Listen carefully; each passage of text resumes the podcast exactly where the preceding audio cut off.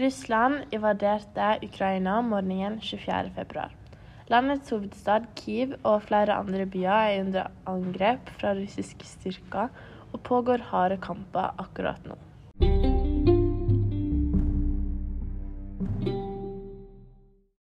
Hei og velkommen til Nyhetspodden. Podden der vi tar for oss nyheter som du ikke vil gå glipp av. I dagens podd skal vi sette fokus på den foregående krigen mellom Ukraina og Putin. Eh, Vi skal fokusere på konsekvensene det vil ha for både Russland, Ukraina og verden. Ja, for det er ikke noe sjokk at midt mellom oss nå i dag så foregår det en krig som har tatt livet av ekstremt mange sivile og soldater fra både Ukraina og Russland. En krig som etter hvert drar inn andre land, og som etter hvert kan utvikle seg til noe enda større. Hei sann. Eh, nå sitter jeg da her i studio med deg, Maren Mjøle, og det er vi som skal ta for oss eh, denne her nyheten her, som jeg eh, er ganske sikker på at mange av dere allerede har hørt om fra før. For det er jo ikke noe tvil om at denne krigen her har eskalert seg enormt og blitt veldig, veldig stor på kort tid. Og så er det jo veldig usikkert fortsatt hvor mange liv som er gått tapt, fordi det er noe mer enn det vi klarer å fange opp. Eh, ja. Men hvordan kan denne krigen her ha blitt så stor? Jo, for denne krigen her har jo egentlig en bakgrunn eh, fra 2014. Det har nemlig vært uro mellom Russland og Ukraina i veldig lang tid. Dette har vært en politisk og militær krise som oppstod allerede i 2014, og som har fortsatt siden. Um, men når du nevner her 2014, så har ikke vi hørt noe om det. Så hva var det som skjedde i 2014? I 2014 så ble Krimhalvøya overtatt av Russland, og det var eiendelen til Ukraina. Eh, halvøya ble eh, da plutselig to nye regioner i Russland.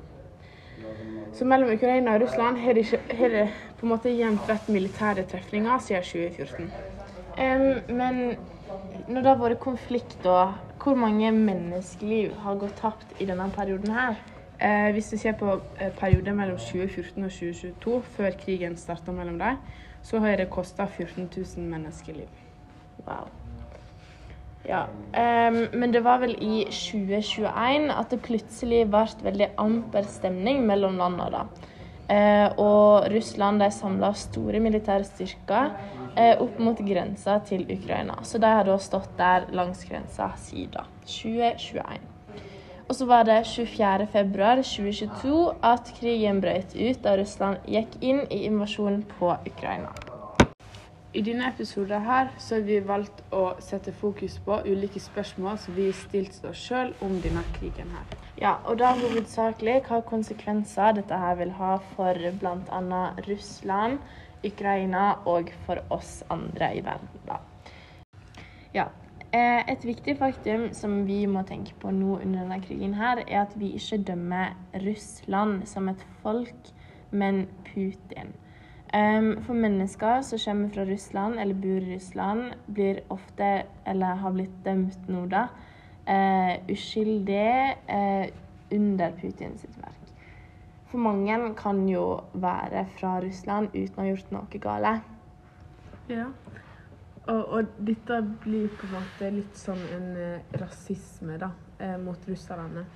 Em, vi har hatt eh, Eller i verden rundt så har det blitt eh, ulike situasjoner der det har blitt ubehagelig for folk fra Russland fordi de blir dømt etter det som Putin gjort. Blant annet var det en hendelse i Sogndal kommune der det var noen som nekta uh, russere å få lov å bo på hotellet der. da. Eh, og det er jo ikke på en måte sånn det skal være heller, da. Mm. Og I tillegg så er det jo dette her for mennesker som bor i Russland, som blir soldater. De blir ufrivillig sendt inn i landet for å krige. Eh, og i tillegg så blir det da umulig for andre å eh, rømme, da, eller flykte fra landet. Eh, så er det eh, litt sånn at det er veldig vanskelig å bo i Russland for tida. Fordi det er jo sånn at hvis du på en måte du blir dømt for å ikke si noe av andre land, da, men så blir du dømt veldig hardt for å si fra i Russland. Så hvis du står imot deg i Russland på gata, så kan du bli drept eller fengsla av Russland sitt militære. Em, og um, i tillegg så har uh, landegrense og luftrom òg blitt stengt for Russland, da. Det landet som har mest konsekvenser, og som mest sannsynlig vil sitte igjen med mest konsekvenser, det er nok landet Ukraina. Har du lyst til å nevne noe, Ivar Emma? Ja. Um, for Ukraina uh, i ettertid og nå er jo, blir stadig ødelagt og bomba og sprengt. Uh, så i ettertid av krigen vil nok landet bli helt ødelagt. Uh, og i tillegg er det drap, og mange mister jobbene sine, som vil gjenføre til fattigdom og eh, mangel på folk for å bygge opp en land i ettertid. Um, ja, dette er veldig sant. Men jeg tror det største problemet er flukt. Fordi familier blir dratt fra hverandre, og mennene må bli igjen i Ukraina for å slåss, medan mor og unger reiser ut for å finne tryggere plasser å være enn Ukraina. Ja, eh, og hovedgrunnen til at mange flykter fra landet Ukraina nå, er nok hovedsakelig fordi Ukraina er et veldig vanskelig land å bo i nå for tida. Eh, og det kommer vanskeligheter som f.eks. mange starter å hamstre mat, noe som kan føre til matmangel. Em, og etter bombingen så kan også farlige gasser bli spredd utover vannet, som fører til at vi ikke kan drikke vannet der, da. Ja. Um, og så er det òg veldig vanskelig å flykte. Eh, bensinen blir dyrere, og det blir vanskeligere å komme seg ut av landet, da. Mange kvinner og unger flykter i dag fra Ukraina. Ja, og det å være på flukt er slett ikke enkelt. Eh, for de som flykter fra krig, de kommer kanskje med lite, men med tung bagasje.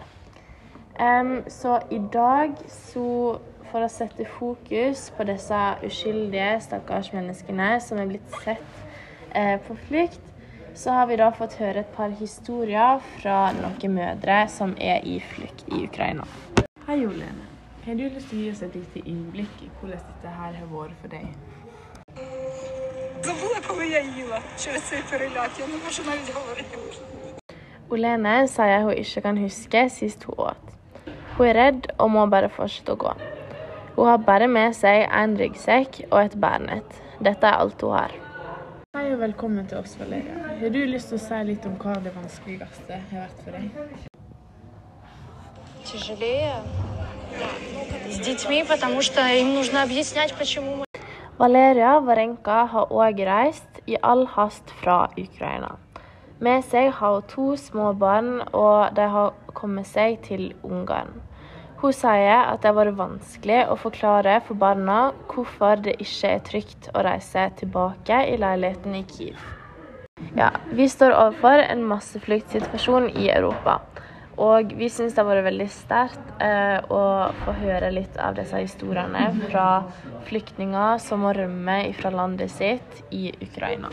Det her med flyktning og ødeleggelse av Ukraina er veldig trist, og det at familier blir eh, revet ifra hverandre, eh, håper vi at eh, slutter veldig fort. Eh, men hvis vi skal gå tilbake på hovedtemaet vårt, eh, konsekvenser, så kan vi gå litt inn mer på konsekvensene som på, påfører oss i Norge, da. Ja, for Putin han har jo brutt ekstremt mange regler, eh, bl.a. regler for krig. Han har sagt imot det Han gjør imot det han har sagt, bl.a. med at han tar sivile, eh, noe som fører til at eh, andre land ikke stoler på han da. Eh, som Emma sa, så er tilliten brutt mellom Norge og veldig mange andre land og Russland. Men eh, Norge i seg selv er egentlig veldig heldig med konsekvensene, og det er veldig små konsekvenser som vi egentlig burde være glad for.